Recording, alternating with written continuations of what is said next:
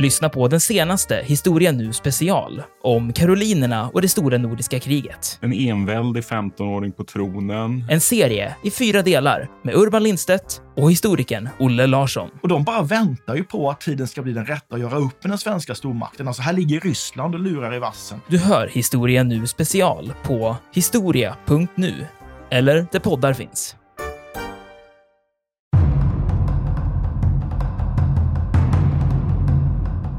Och det är klart att britterna har ju otroliga förluster naturligtvis i den här striden. Därför att de anfaller ju sen över den här slätten mot boerna som kan bestryka hela det här området. Och det här blir en stor framgång för, för boerarmén och i de här eh, kommunikéerna sen efteråt, när man skriver befälhavaren på plats då, skriver tillbaka sen till presidenten Kryger och så, så nämner han de här skandinaverna på ett väldigt dramatiskt sätt. Att Gud och skandinaverna gav oss segern. Det är ganska fantastiskt.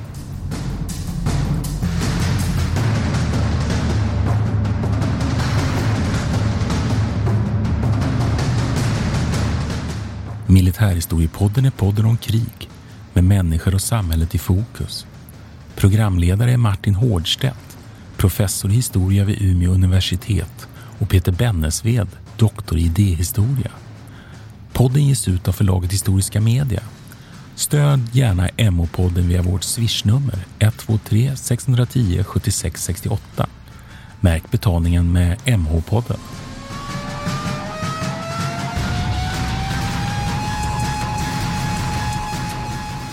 Ja, välkomna till eh, Militärhistoriepodden. Det här är Peter Bennesved.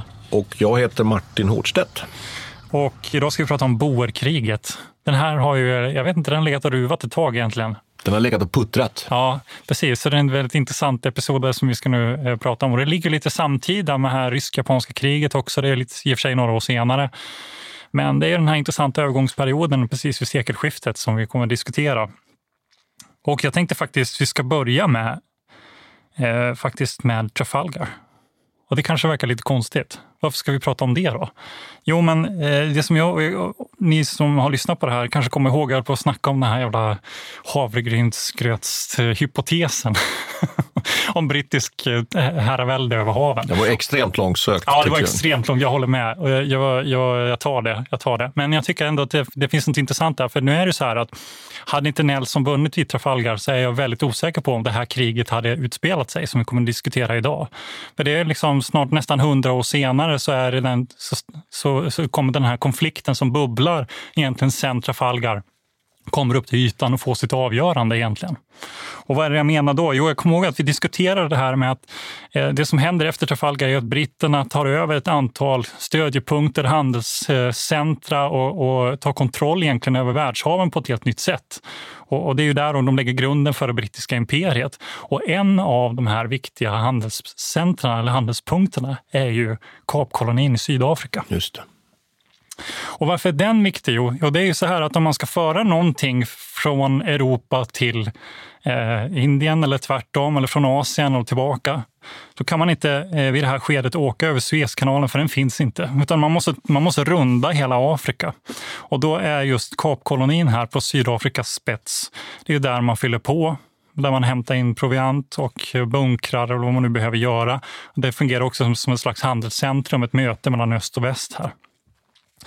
Eh, så det är därför det finns brittiska intressen och då hade ju holländarna haft den här platsen innan. Eh, och, och, men de förlorade ju det i samband med eh, Napoleonkrigen.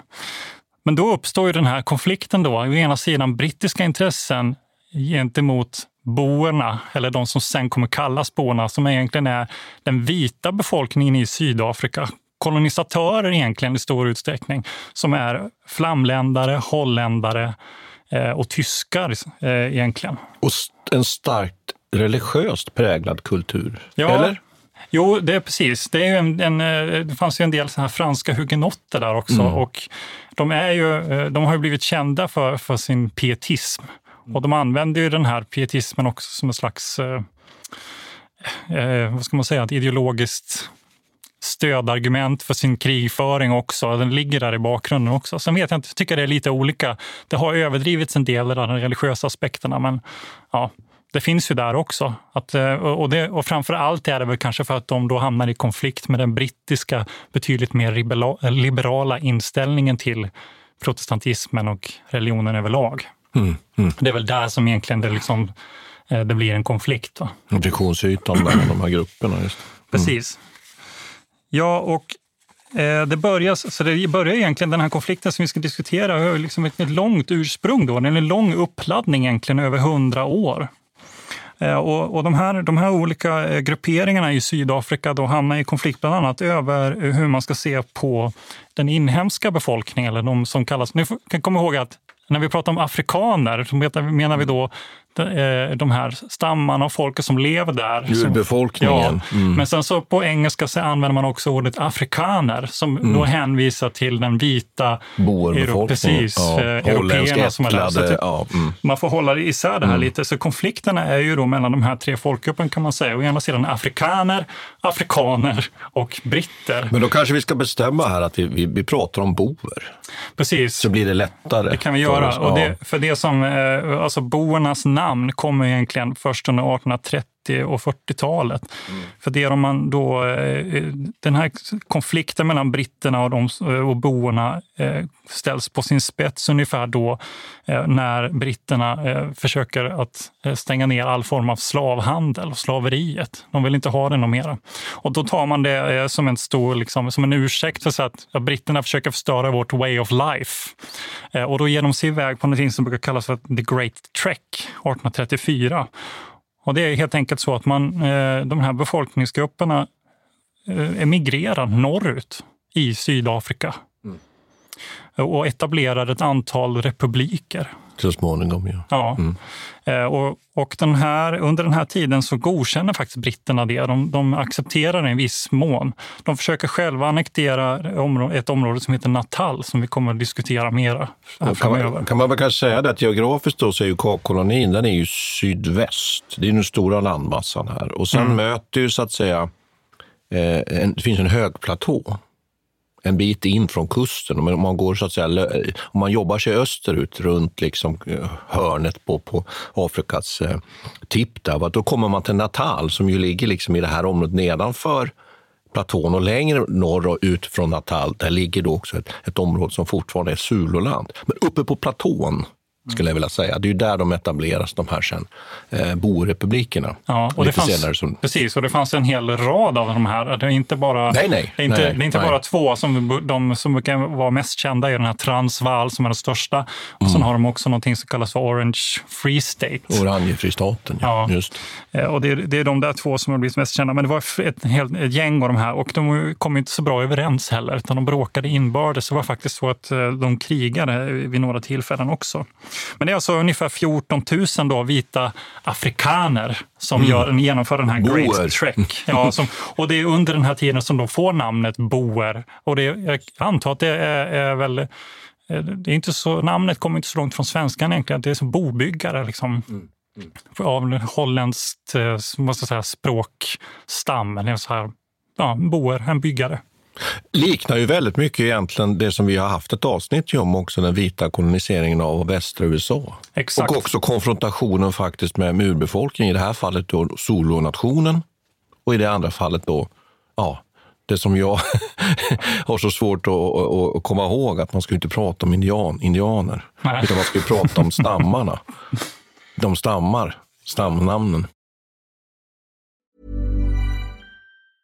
Quality sleep is essential. That's why the Sleep Number Smart Bed is designed for your ever evolving sleep needs. Need a bed that's firmer or softer on either side? Helps you sleep at a comfortable temperature? Sleep Number Smart Beds let you individualize your comfort so you sleep better together. JD Power ranks Sleep Number number 1 in customer satisfaction with mattresses purchased in-store. And now, save 50% on the Sleep Number limited edition Smart Bed for a limited time. For JD Power 2023 award information, visit jdpower.com/awards. Only at a Sleep Number store or sleepnumber.com. I'm Sandra, and I'm just the professional your small business was looking for, but you didn't hire me because you didn't use LinkedIn Jobs. LinkedIn has professionals you can't find anywhere else, including those who aren't actively looking for a new job but might be open to the perfect role, like me. In a given month, over 70% of LinkedIn users don't visit other leading job sites. So if you're not looking on LinkedIn, you'll miss out on great candidates like Sandra. Start hiring professionals like a professional. Post your free job on linkedin.com/people today. Even on a budget, quality is non-negotiable. That's why Quince is the place to score high-end essentials at 50 to 80% less than similar brands. Get your hands on buttery soft cashmere sweaters from just 60 bucks, Italian leather jackets, and so much more. And the best part about Quince, they exclusively partner with factories committed to safe, ethical, and responsible manufacturing. Elevate your style without the elevated price tag with Quince. Go to quince.com slash upgrade for free shipping and 365-day returns. Den rörelsen som sker är ju å ena sidan den här inhemska eh, eh, urbefolkningen i Afrika rör sig sakta söderut under den här perioden. Eh, medan de vita boerna då rör sig norrut. Och det blir en väldigt mycket konflikter i de här gränsområdena, i de här republikerna som man då försöker etablera. Så det är också en del av det.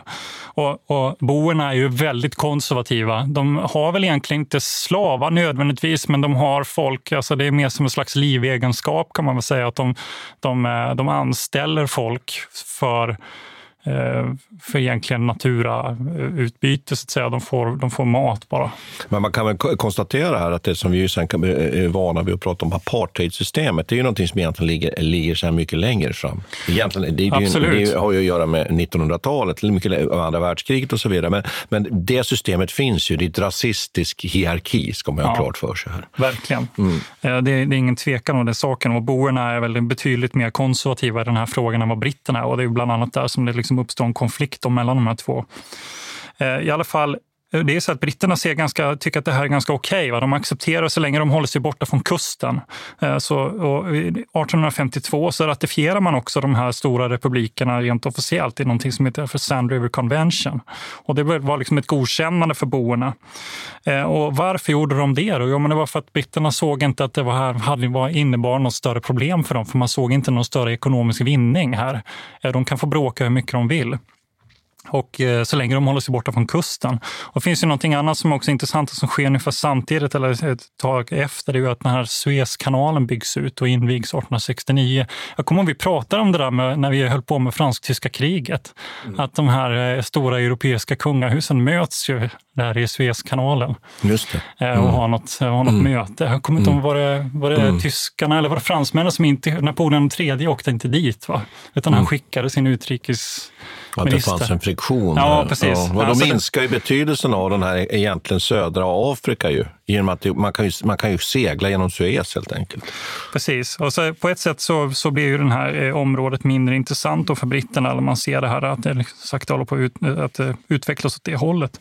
Men så nu händer ju det som är kanske den mest avgörande punkten. Det är två olika händelser här. Då. Det är att 1867, då hittar man diamanter och nu blir ju läget någonting helt annat. Här. Nu blir ju de här brittiska eh, riskkapitalisterna väldigt intresserade helt plötsligt av den här regionen. Helt plötsligt finns det ett ekonomiskt incitament att faktiskt ha kontroll över de här områdena. Och guld. Det kommer lite senare, men det är helt sant. Det tar, det tar tio år till innan mm. man hittar guldet. 1880-talet. Men, mm. men eh, det börjar med ädelstenarna och det är med ädelstenarna som också eh, Cicero Rhodes engagerar sig i det här. Han blir ju rik på detta. Eh, och det är inte bara det att man hittar det, utan det är också i ett område som är omstritt då, huruvida det tillhör Transvaal eller om det tillhör Natal, med det här brittiska eh, området. Man kan säga att de där fyndigheterna är bland annat i närheten av dagens Johannesburg finns ja. det en del av de här eh, eh, fyndigheterna. Det finns på flera platser. Mm. Sen kan man väl också komplettera och säga att Cecil Rhodes är ju den här som man ofta personifierar ju liksom med den här brittiska imperialismen. Va? Eller hur? Stark man i Kap-provinsen och så vidare. Mm. Det här Kap till Kairo-tänkandet och sånt där. Det antar jag att du kommer till nu då. Exakt. Nej, men han, eh, han är ju med här va? och, och har, försöker liksom föra in sina drömmar. Men den här konflikten då som uppstår är framförallt i Kimberley. Det är ju en, en, en mm. stad, en liksom slags nybyggarstad, får man kalla det. Den, den, löser man faktiskt med att britterna helt enkelt köper det här området för 90 000 pund. Så då har man liksom löst ut den här första konflikten. Men så kommer ju då 1886 och då hittar man guldet. Vid Johannesburg. Där. Ja. Och då är, är ju eh, läget helt annat. Då är det helt andra saker som, som börjar spela roll. Vi kan säga att innan här också finns ett, förspel till, till boerkriget. Det är också att 1877 så lyckas man faktiskt annektera Transvaal till en brittisk koloni. Mm. Eh, men Paul Kryger, då, som en känd karaktär här, som är, var president över Transvaal, bara tre år senare så, så slår han sig lös från, från britterna och hävdar då eh, Transvaals självständighet. Och detta leder till en liten konflikt 1881 och där, man, där borna faktiskt vinner vid Majuba Hill. Just det, slaget vid Majuba Hill som Ja. ju sen är ett sånt här eh, jag säga, stridsrop ju på den boerska sidan. Remember Majuba Hill. Exakt. Eh, Och det är ju egentligen en liten, kan man säga, begränsad strid, men som man då vinner, bo, boerna vinner. Sen kan, man, ja. sen kan man väl också nämna att det här Natal som vi nämnde, det annekteras ju av britterna ganska omgående. Så att det är viktigt att inför andra boerkriget här så är det ju de här två republikerna, Transvaal och Oranjefristaten, som ju nu kommer att föra så att säga kriget mot britterna. Precis. Och så att, nu när man hittar guldet så befinner vi oss i det här läget. Då, att vi å ena sidan har de här olika intressena. Boerna kräver liksom sin egen självständighet. Eh, de vill ha sitt sätt att leva. De har gått igenom en konflikt med britterna som gick väl ut för boerna. De faktiskt klarar av att styra, styra iväg dem. Eh, och eh, men nu uppstår ju någonting, det här med guldet, och hur ska man lösa det? Och då är det ju framförallt så att guldindustrin, det här är en ganska intressant aspekt av det här kriget, att eftermälet har ju handlat väldigt mycket om i vilken mån den här kapitalistiska företagen eh, har varit eh, liksom inblandade i den, här, i den här konflikten. För det som man från brittisk sida då ser, det är att man vill ha en ganska, en ganska liberal stat som kan, som kan eh, så att säga, hjälpa industrin med subventioner för att göra den här guldindustrin lönsam. För man ska komma ihåg att guldet har faktiskt ett fixerat pris i den här tiden. Så att om, man, eh, om det är svårt att, att gräva fram det så måste man ha liksom eh, mer ja, man har till skattesubventioner och annat. Guldruschen gjorde också att väldigt många britter flyttade in i det här Transvaalområdet vilket förändrade den demografiska balansen ganska mycket. Och boarna då med sitt konservativa sätt ville helt enkelt inte tillåta att de hade någon ja, rättighet att rösta eller någonting annat, utan de helt enkelt försökte låsa ute liksom britterna. Så det skulle ännu mer friktion här från detta hållet. Då. Ja, och sen finns det ju en massa direkta liksom, krigsorsaker som har att göra med de här skatterna som boerna inför. Men jag vet inte, jag tycker inte egentligen att de är eh, sådär jätteintressanta. Det är faktiskt så att Nobel här är involverad. För om man eh, inför en slags dynamitskatt på brittiska företag eh, som, som eh, britterna tycker väldigt mycket. Och det är egentligen det som är den direkta liksom, krigsutbrottsorsaken.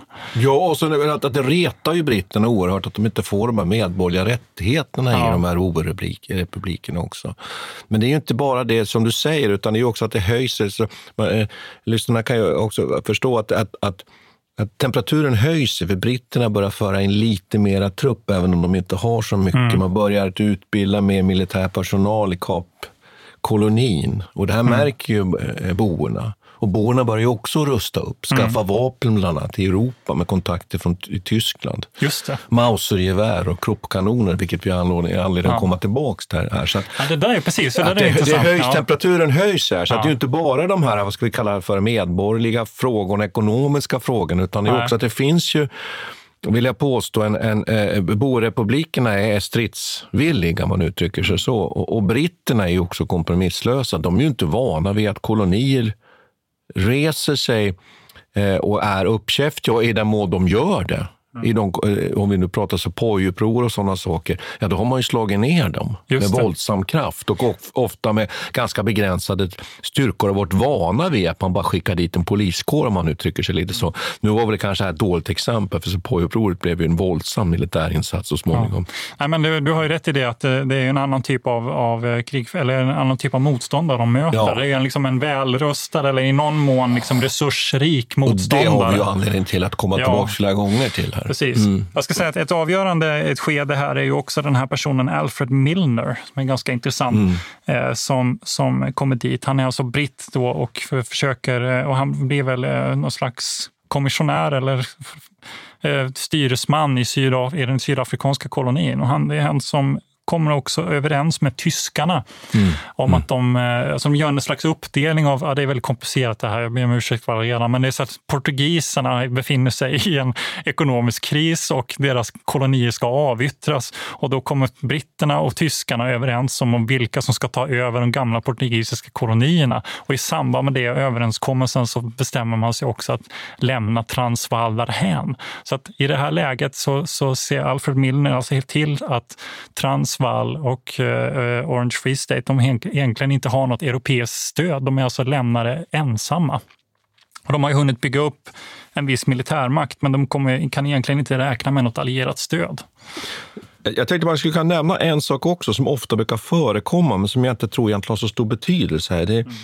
det är ju så att man ju också försöker från brittisk sida att, att utrusta de här britterna som finns i de här republikerna, att det ska bli någon sorts uppror där. Och du kanske, du kanske tänkte ta det här, den här, Nej, du. Ja, den här Jameson-räden. Ja, och, det, och det är också de här, de här, vad ska jag säga, det är de här friktionerna här ju, mm. som vi pratar om, som leder alla de här olika orsakerna till att kriget utbröt. Jamesonräden 1895, som, där man ju utbildar då en, helt enkelt en frikår som ska då rä, göra räder in på Boreområdet och, och som det går illa för. Det går ju helt enkelt åt helvete.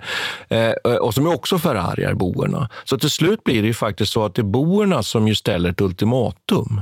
Mm. Att nu, nu måste det här trycket så att säga upphöra. Mm. Eh, och det svarar ju britterna på med att, att det, det, accepterar de ju inte. Och sen är det ju faktiskt så att det är boerna då till slut som tar steget fullt ut och, och, och, och britterna och boerna hamnar i, i, krig. Och det kan man ju då kanske lite skratta åt och det tror jag britterna gjorde också. Det var ju den inställningen de hade. De här små republikerna har nu förklarat det, det, det, stora brittiska imperiet. Mm. Krig.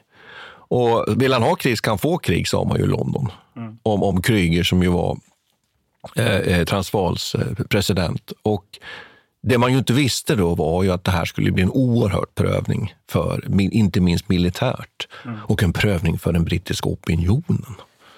Får jag, får jag föra in en, en, eh, en, diskussionsfråga här också i det här sammanhanget? Så, som, någonting som jag funderar på, som inte står så mycket i litteraturen, som jag tycker är ganska intressant, är ju den här också kulturen som uppstår i de här nationsstatsbyggarna som är alltså en, egentligen på ett sätt en direkt konsekvens av, eh, franska revolutionen och mm. Napoleonkrigen.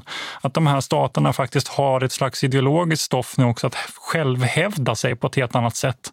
Att man har sett hur man gör detta i Europa. Man har haft revolutioner i Europa och hur, hur stater har uppstått och att boerna då också, jag vet, inte, jag vet inte, det här är ingenting som jag har läst om egentligen, men jag funderar på den här kontexten måste finnas också och vara väldigt, väldigt viktig, även om det det, ah, det är ett sid, sidospår.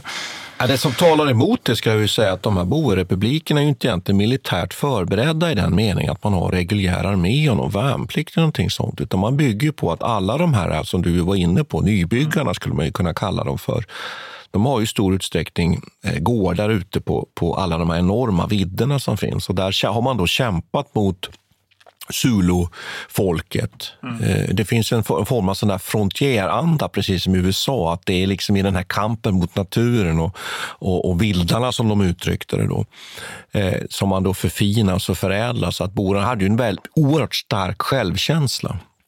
Det ska man väl ha klart på sig. Det, det var ju inte någon så att säga, statskultur, om vi uttrycker oss så. Städerna var rätt små. Ja, men det, rätt, det, det, och det, det tror ja. jag. Och jag tror ju att, att boerna var väl egentligen inte så intresserade egentligen av den industriella eh, brytningen av vare sig diamanter eller guld. Det är klart att de insåg potentialen i det där.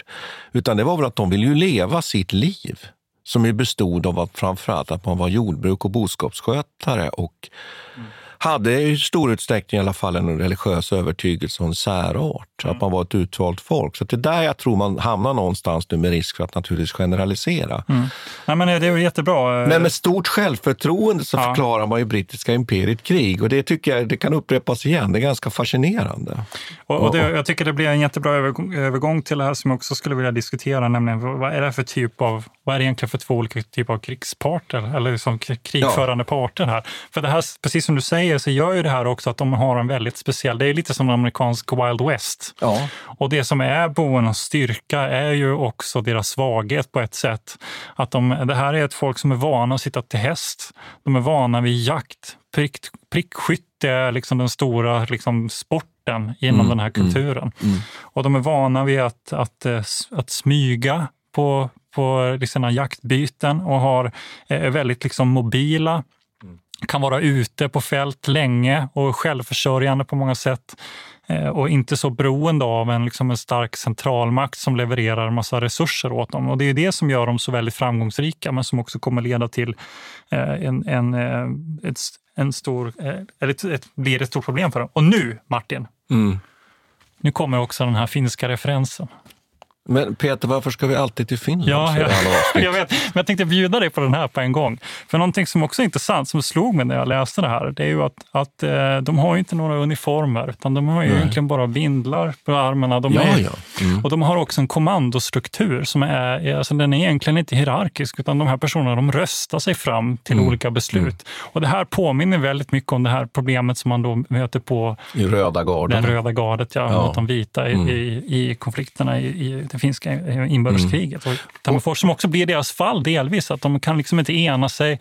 Eh, Och när det väl kommer ett samlat anfall, en mot, motanfall, Mm. så, så faller de på detta. Och nu, nu, kommer nu går jag igång här. Ja, jag nu har vet, du det var liksom gett mig den mitt gott syfte. i påsen. Här. Jag vet, jag vet. och då kan man ju fortsätta säga att äh, då är det ju en skillnad här att i, i, i inbördeskriget i Finland, om lyssnarna minns, så var det ju egentligen två amatörarméer i någon mening. Där ju den ena så småningom blir mer professionell därför att den har befäl, dels svenska officerare men också eh, underbefäl och, lägre officerare som utbildas i Tyskland och så vidare, den vita sidan. Eh, men här möter man ju faktiskt en på pappret väldrillad, drillad, välövad, väldrillad, det är ju samma sak, armé med eh, förhållandevis stora resurser, militära resurser, det vill säga den brittiska armén. Eh, som, där är det kanske inte skytte som var den största sporten, det var väl mer cricket kanske bland officerarna. Eh, och där som ju är extremt hierarkisk. Mm. Där man ju har en kadaverdisciplin utan dess like. Och det är ju knappast det så att officerarna i någon större utsträckning så att säga, sover och lever ihop med soldaterna. I alla fall inte merparten av officerarna. Helt annan Helen armé. Och sen den som du beskriver här, som ju faktiskt är väldigt oövad. Boernas armé är ju helt utan militär erfarenhet, förutom de strider man möjligtvis har varit med och utkämpat mot, mot eh, Sulenationen eller, eller om man har deltagit till exempel 1881 och så vidare. Men, men det visar sig att boerna också är, vilket är helt avgörande, har extrem förmåga att, att taktiskt anpassa sig, de vapen man har.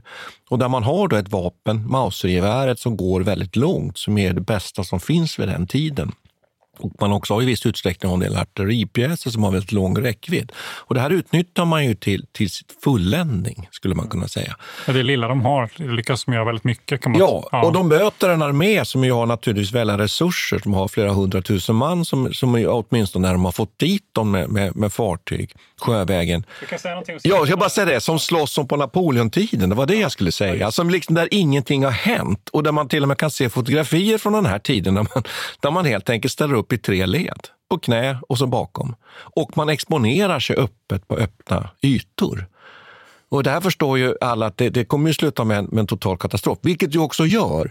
Men att till slut så är det ju också samtidigt då eh, lite typiskt att, att britterna är ju med sin enorma tyngd så småningom, sin, sin numerär helt enkelt och, och sin industriella kapacitet att trycka in folk och materiel ju kommer ju så småningom att besegra de här boerrepublikerna. Det förstår, det förstår man ju. Men vi ska se lite Ja, mer i men- detalj tänkte jag Ja, sen på, precis, på jag- taktiskt vad som jag händer. kan säga bara, när du ändå är inne på det här med numerären. För att man räknar med ungefär att de har 30 000 boer. Ja, inledningsvis. Ja, och att det är Mm. det man lyckas samla ihop sig. Och det är ju som, som du precis har sagt, där, det är ju liksom inga reguljära förband direkt, utan det är ju en slags kommandosoldat eller någon slags liksom, ja, bush, bushmän. Liksom. Eh, Och de möter då en, eh, först en, en brittisk styrka på ungefär 13 000, så de är överlägsna i i det här inledningsskedet. Ja, det är liksom garnisonen i, Ja. I, i man kunna Exakt. Mm. så att det, är, det är inte så mycket mer. Men sen händer det, eh, den här vändningen då att britterna samlar ihop den, den största armén som hittills... Man har samlat ihop. Ja. Mm.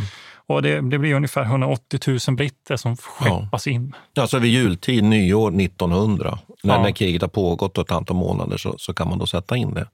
Och då kan man väl säga att det kan bara sluta, sluta på ett sätt. Everyone knows therapy is great for solving problems, but getting therapy has its own problems too, like finding the right therapist, fitting into their schedule, and of course, the cost. Well, BetterHelp can solve those problems. It's totally online and built around your schedule. It's surprisingly affordable too. Connect with a credentialed therapist by phone, video, or online chat, all from the comfort of your home. Visit betterhelp.com to learn more and save 10% on your first month. That's BetterHelp H E L P. Hiring for your small business? If you're not looking for professionals on LinkedIn, you're looking in the wrong place. That's like looking for your car keys in a fish tank. LinkedIn helps you hire professionals you can't find anywhere else, even those who aren't actively searching for a new job but might be open to the perfect role. In a given month, over 70% of LinkedIn users don't even visit other leading job sites. So start looking in the right place. With LinkedIn, you can hire professionals like a professional. Post your free job on linkedin.com slash people today. One size fits all seemed like a good idea for clothes. Nice dress. Uh, it's a it's a t-shirt. Until you tried it on. Same goes for your healthcare. That's why United Healthcare offers a variety of flexible, budget friendly coverage for medical, vision, dental, and more. So, whether you're between jobs, coming off a parent's plan, or even missed open enrollment, you can find the plan that fits you best. Find out more about United Healthcare coverage at uh1.com. That's uh1.com. Är det dags för att lite ta... Ja, men precis. Ska vi göra så? Att, att nu, nu, har vi så att säga orsakerna klara för oss. Eh, eh, Boerrepubliken har förklarat krig och kriget är igång. Och det som händer då först, man kan ju dela in det här kriget i en del skeenden. Och, eh, den första stora delen är ju egentligen den perioden man kan prata om då ett konventionellt krig. Och sen har vi en, en, en del där kriget ju så att säga egentligen på många sätt är avgjort, men där det går in i ett skede där boerna fortsätter att kämpa som grillaförband. Men om vi börjar med den här första så att säga, konventionella krigsperioden så inleder ju boerna med att egentligen göra framstötar i, ner mot Kapkolonin. Och framför allt så handlar det om att man börjar belägra ett antal viktiga städer. Och de som är mest berömda då, det är ju belägringen av King. det är Kimberley och det är Ladysmith. Och Ladysmith ligger i den här Natalprovinsen, alltså ner från högplatån ner mot havet. Där ligger eh, eh, eh Ladysmith. Medan då Kimberley ligger längst i väster och eh, Mayfinkling ligger längre norrut eh, inne i Kapkolonin. Och jag tror att vi kan behöva en karta. Och här kan det också vara viktigt att veta att de här städerna, vad har de för roll och funktion? Ja, vi vet att man då har viktiga sådana fyndigheter, men det finns alltså järnvägar dit. Alla de här städerna är viktiga järnvägsknutar. Och behärskar man järnvägarna så behärskar man ju naturligtvis möjligheten att få fram både manskap och eh, eh, förnödenheter och så vidare. Och där kan man väl säga att boerna gör väl egentligen ett operativt misstag om man ska ja, använda precis, lite sådana. Att man stannar säga. upp där ja. och är nöjd med att egentligen börja belägra de här städerna. Och kriget utbryter ju då i oktober 1899. Man brukar diskutera exakt vilket datum. Men det är inte kanske så, så betydelsefullt för det man, kan man tolka på lite olika sätt. Men det, jag fattar ja. inte, jag fattar inte liksom, eh, hur de tänker där då. När man, de bör ju vara medvetna om sina brister.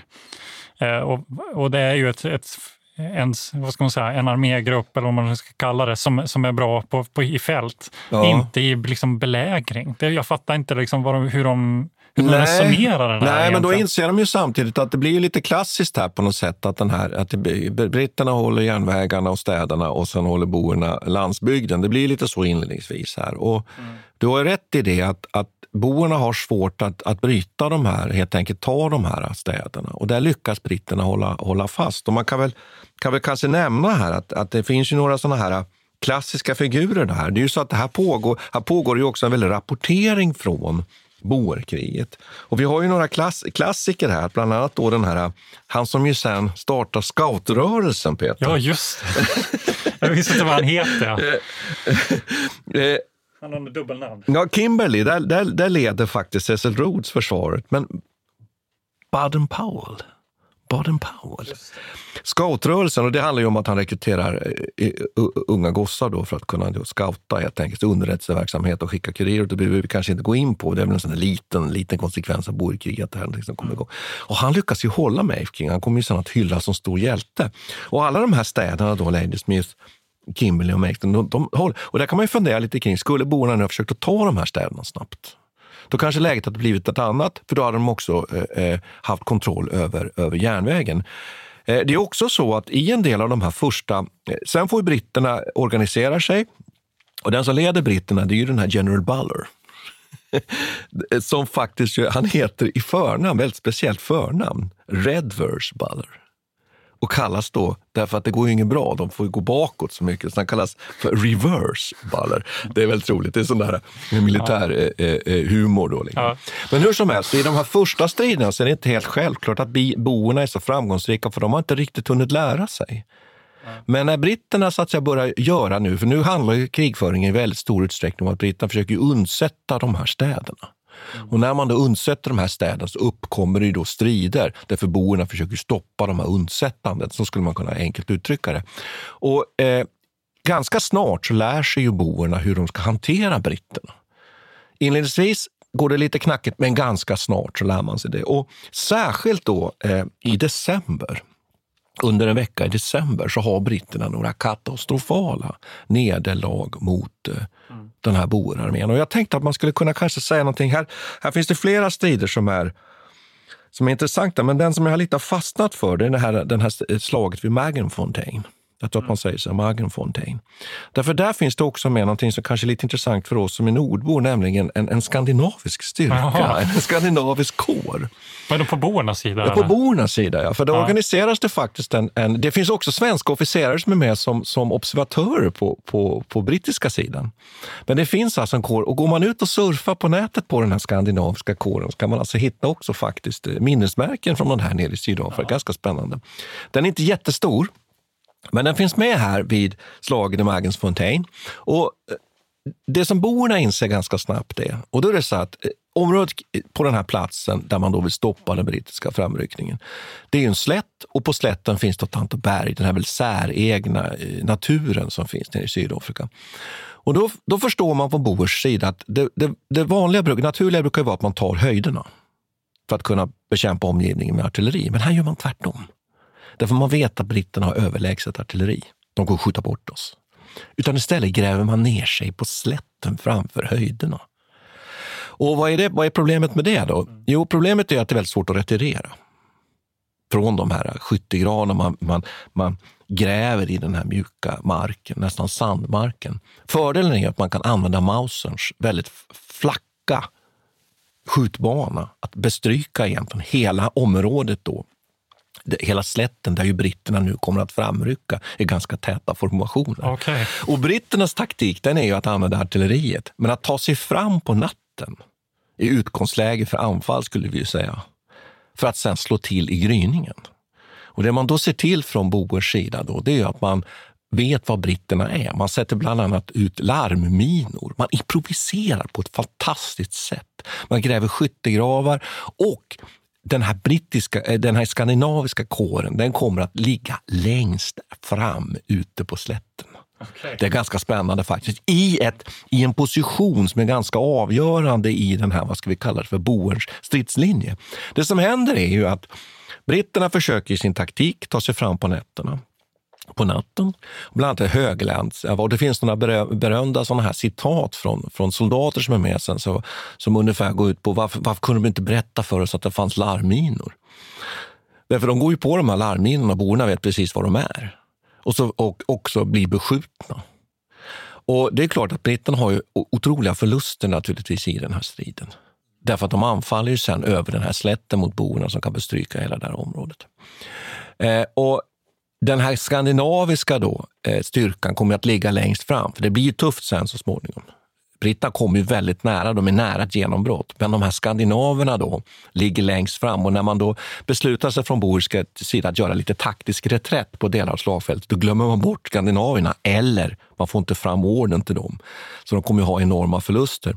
Och det här blir en stor framgång för, för boerarmén och i de här eh, kommunikéerna sen efteråt, och när man skriver befälhavaren på plats, då skriver tillbaka sen till presidenten Kryger och så, så nämner han de här skandinaverna på ett väldigt dramatiskt sätt. Att Gud och skandinaverna gav oss segern. Det är ganska fantastiskt. Och här har man alltså ungefär 40 stupade på den här skandinaviska eh, i kåren. Och den, den blir så illa tilltufsad till slaget vid Magnus Fontaine att den sen faktiskt upplöses och delas upp. Att ja. Lite här tycker jag vi fångar lite det här taktiska, nämligen att borna lär sig ganska snabbt. Och det är inte bara så att de gräver ner sig på slätten, det är klart att de ligger på höjder också, lite beroende på hur terrängen ser ut. Men man lär sig att använda, och jag vet att vi var inne på det här när vi pratade om fransk-tyska kriget, ju att fransmännens längre skjutande infanterigevär, mm.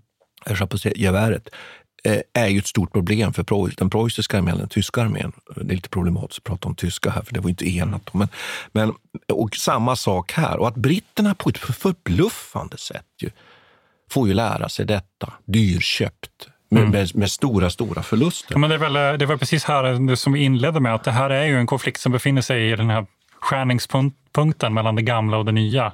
Mm. Och det är just de här, de här eh, taktiska liksom vändningarna och, och de lär sig. Ja. De lär sig hantera detta. De lär sig hantera mm. det. Det som är ändå spännande här är ju ändå att de här slutsatserna tar man ändå inte riktigt med sig ända fram in i första världskriget. För jag tycker att man skulle kunna ha, ha lärt sig ännu mer. Mm. En annan sak som jag tycker är fascinerande... De ställer ju inte, sig upp, de ställer inte upp sig på tre lev direkt under första världskriget. Det Nej, det gör de inte, men de anfaller ju i, i, i täta formationer mot kulsprutor. Ja. Man kan tycka, det är en annan sak som man kan förbluffas över här, att man inte använder kulsprutan riktigt i det här kriget alls. Den är inte alls närvarande på samma sätt som vi, vi pratade om till exempel i, i, i rysk-japanska kriget. Mm. Den finns där, men den har inte samma betydelse riktigt.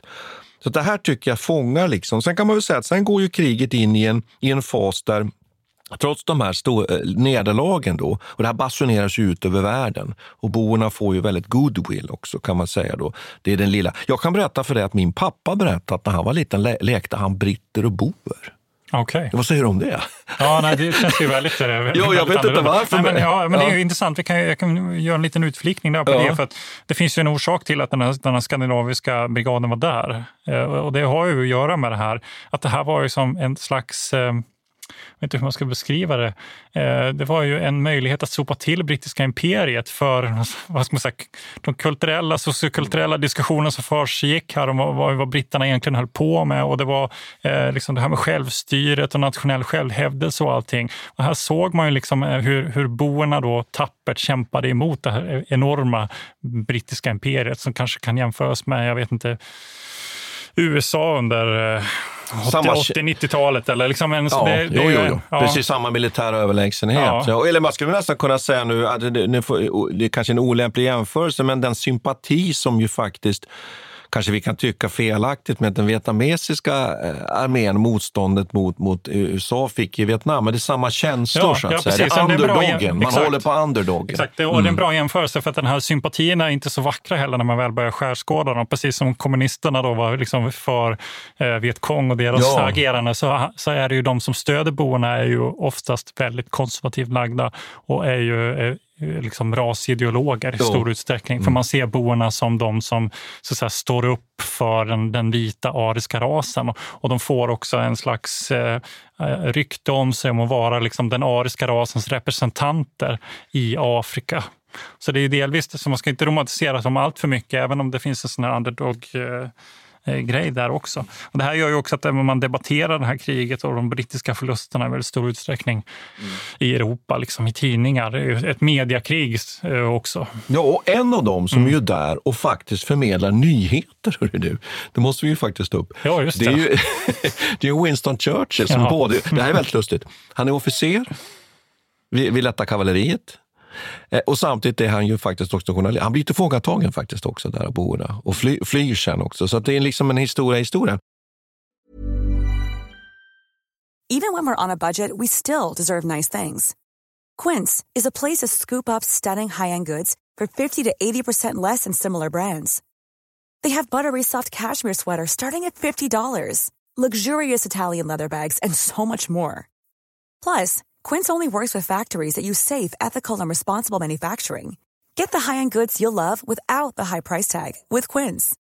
Go to quince.com/style for free shipping and 365-day returns. Mom deserves the best, and there's no better place to shop for Mother's Day than Whole Foods Market. They're your destination for unbeatable savings, from premium gifts to show-stopping flowers and irresistible desserts. Start by saving 33% with Prime on all body care and candles. Then get a 15-stem bunch of tulips for just $9.99 each with Prime. Round out Mom's menu with festive rosé, irresistible berry chantilly cake, and more special treats. Come celebrate Mother's Day at Whole Foods Market. Hey, it's Paige DeSorbo from Giggly Squad. High quality fashion without the price tag. Say hello to Quince. I'm snagging high-end essentials like cozy cashmere sweaters, sleek leather jackets, fine jewelry, and so much more. With Quince being 50 to 80% less than similar brands. And they partner with factories that prioritize safe, ethical, and responsible manufacturing. I love that. Luxury quality within reach. Go to quince.com slash style to get free shipping and 365 day returns on your next order. Quince.com slash style. Jag tänkte vi skulle avsluta kriget och vi, kan, vi har ju redan avslöjat hur, hur det slutar det här. Men britternas tyngd så småningom kommer göra att man, man har genombrott så småningom då i februari 1900 och till slut så intar man de här viktiga städerna.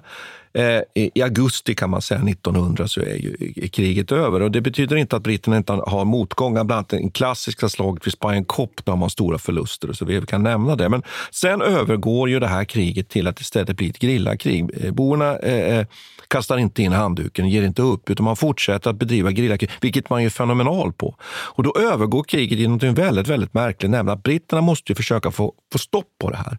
Och då börjar man bygga blockhus, särskilt längs med järnvägsrälsarna. 8000 blockhus. Och det är som en slags primitiv bunker kan man säga. Ja, kan bunker och de är oerhört dyra de här. Jag såg en siffra faktiskt till kostnad på att de skulle ha kostat ungefär en halv miljon svenska kronor. Så förstår vilka resurser man pumpar in från brittiska imperiet. Så bygger man de här och sen så sätter man liksom stängsel emellan de här. Man använder taggtråd för första gången faktiskt också på allvar här. Och försöker liksom stänga av de här slätterna. Och dessutom tar man egentligen civilbefolkningen som gisslan kan man säga. Man stänger in barn, kvinnor och även män i det som, som ofta brukar betecknas som de första koncentrationslägren och där, där, ju, där ju resultatet blir katastrofalt. Det är ju inga dödsläger, men det, är, det blir så att Ja, man de precis... svälts ut De svälts ut och Ja. de får inte mat. Och eh, det här väcker ju ännu mera sympatier naturligtvis i Europa. Jag tycker att det där är viktigt, viktigt att nä- nämna. Och sen kan man väl säga att slutet på kriget, det är ju freden då i maj, då, 31 maj 1902. Och man kan väl bara konstatera egentligen att, att det tar inte så många år så blir ju sen det här en, en sydafrikansk republik 1910. Och, och där ju boerna sen kommer att bli så småningom den, den starka styrande grupp, samhällsgruppen och sen införa sin apartheidpolitik sen så småningom efter andra Ja, det är ju världskriget. precis, det är intressant det där att det fram till Nelson Mandela så har ju alla Ja. premiärministrar i Sydafrika varit afrikaner Ja. och inte britter. Men det är viktigt att, att, att, att, tala om här att det där ligger lite längre fram i historien. Så att det är inte så att den här apartheid, moderna apartheidpolitiken är... Och, eh, viktigt också att man kan fundera lite kring här, vad, vad egentligen boerna vann på den här kraftutvecklingen och kampen här. Det kan man ju fundera Ja, det på är i, i precis. det Så det- oändliga. Egentligen är det ju inte så, alltså den leder ju inte till någonting de får ju faktiskt ett slags informellt självstyre sen. Det tar ju ett tag innan, innan de får det. Va? Men, det är ju ändå så att de behåller sin självständighet i viss mån. Och det man och det som är lite obehagligt, men som också, och som fortfarande lastar Sydafrika idag, är ju att britterna och boerna då på ett sätt blir överens om hur afrikanerna ska hanteras. Det Och- är och väl det enda man är överens om, Exakt, och det är ju det som är Mm. lite... Eh, och det leder ju till på lång sikt att, att de här vita befolkningarna i, i Sydafrika, både britter och boer, egentligen aldrig lyckas integrera sig med de som är eh, afrikaner och som har eh, liksom, alltså, de som representerar ursprungsbefolkningen. Och gör att man lever i den här ständiga segregationen även innan då, som du säger, apartheidpolitiken och fortfarande idag även efter, för de är liksom inte integrerade på samma vis. Och, och man har aldrig egentligen, och det har ju lett till på lång sikt också att, att de har ett slags det är ju ett slags vilda västern-liv på ett sätt. va? Att man måste som sköta om sin egen säkerhet. Det är ju en oerhört, eh, liksom, oerhört säkerhetsapparat runt om de vita eh, människorna som lever där fortfarande idag. Så det där ligger ju kvar. va? Mm. Att man aldrig, eh, aldrig kommit överens. Men, men jag skulle vilja liksom återanknyta till några saker. Här. Att britterna förlorar alltså mer än 40 000 man. Alla stupar ju inte, men man räknar ungefär med att man förlorar kanske 13-14 000 man i döda här. Det är ju en enorm förlust. Eh, boerna har också stora förluster. Åtminstone drygt 9 000 boersoldater dör. Vi har varit inne på stridstaktiken som jag försökte beskriva. Eh, man kan bara nämna en sån där, tycker jag, liten ytterligare sån detalj. Det är ju så att uniformerna, britterna börjar med röda uniformer. ja, men inför ju sen kakiuniformen här så småningom. Så en del brittiska förband har ju väldigt färggranna uniformer. Och bland annat på Majuba Hill hade de ju, och det var lätt att, och lätt att säga. Och i den svenska uniformen 1906, modell 1906, den tas direkt och införs då boeruniformen som är alltså mera fältmässiga, skulle vi uttrycka det. Så det tycker jag är en sån här detalj som man kanske kan nämna här. Vi har pr pratat om scouter. Sen tycker jag att det är intressant med boerkriget. Jag tycker att vi lägger ju lite upp bollen här nu, även det gjorde du i inledningen. Att, mm att vi har ett antal militära konflikter. Vi har ett antal aktörer, militärer här. Ta till exempel en sån person som Kitchener som är stabschef hos den brittiske befälhavaren. Den befälhavaren som kommer med de stora brittiska förstärkningarna sen, Lord Roberts. Han är en figur som finns med under, under krigen som småningom vidare under 1900-talet. Du har French, som ju kommer att bli chef för expeditionskåren under första världskriget. Han är chef för en enorma kavalleridivision som sätts in och byggs upp nere under Boerkriget. Vi har nämnt Churchill, det finns fler vi skulle kunna nämna. Och de här boer eh, Presidenten också, Stein i Oranjefristaven och Kruger, de kommer att få lämna, de får gå i landsflykt. Eh, men en del väljer att bli kvar. Båta är ju ett namn som sen figurerar, som du har nämnt här, som premiärminister långt fram, till, fram i tiden. Så att det, det talar ju till framtiden. Det, är, det här finns ju ett eko framåt i tiden kring det här. Men att just detta, att de här konflikterna här, som om man skulle börja liksom lite från, för vi har ju några avsnitt kvar att göra här, men mm. vi har nämnt liksom Krimkriget, amerikanska inbördeskriget, franska kriget, kanske dansk-preussiska, vi har pratat ja. om österrikiska 1866, boerkriget, mm. rysk-japanska.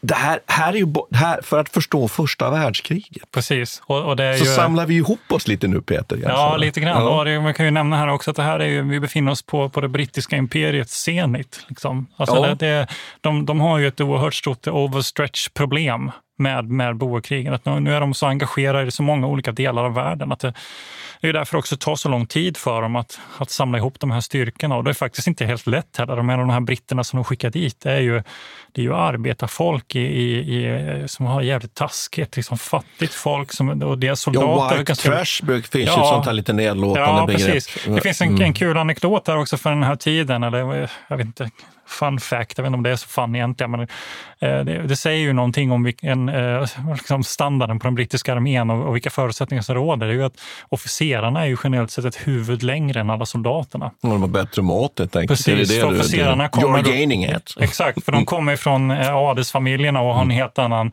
de har en helt annan social bakgrund. Medan soldaterna som skrapas fram ur ett brittiskt samhälle som egentligen inte har några välfärdsmodeller överhuvudtaget.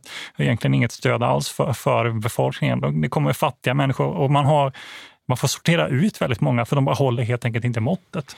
Ja, och så tycker jag att en annan sak som man kanske ska avrunda med här också är att britterna som du säger, de har Zenit. Det här är en period där egentligen den, den vit, vita militärteknologin står som högst.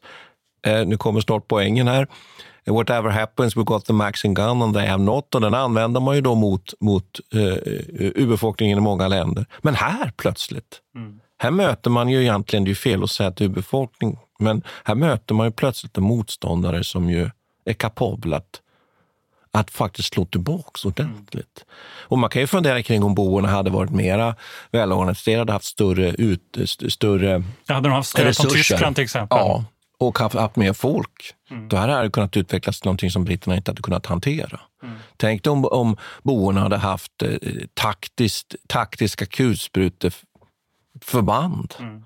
som systematiskt hade använts mot, mot britterna. Ja, då hade, vi, då hade det ju sett ut på ett helt annat sätt. Men det är ju bara en spekulation.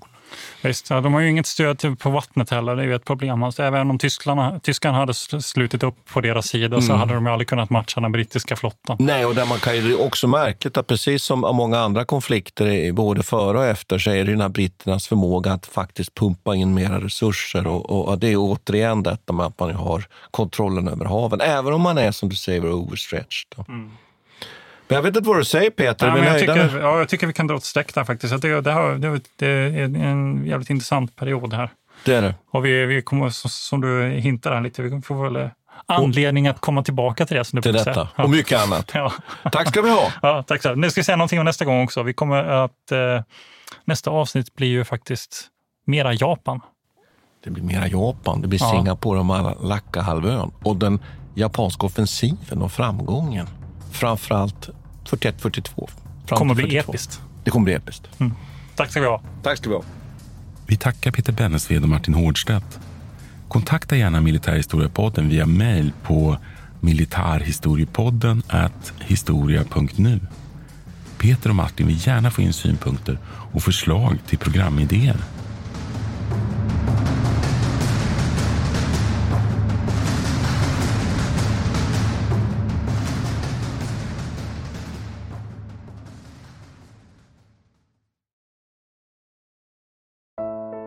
Iran har under 1900-talet genomgått tre omvälvande revolutioner som orienterat landet antingen mot västerlandets modell eller mot en auktoritär styrelseform.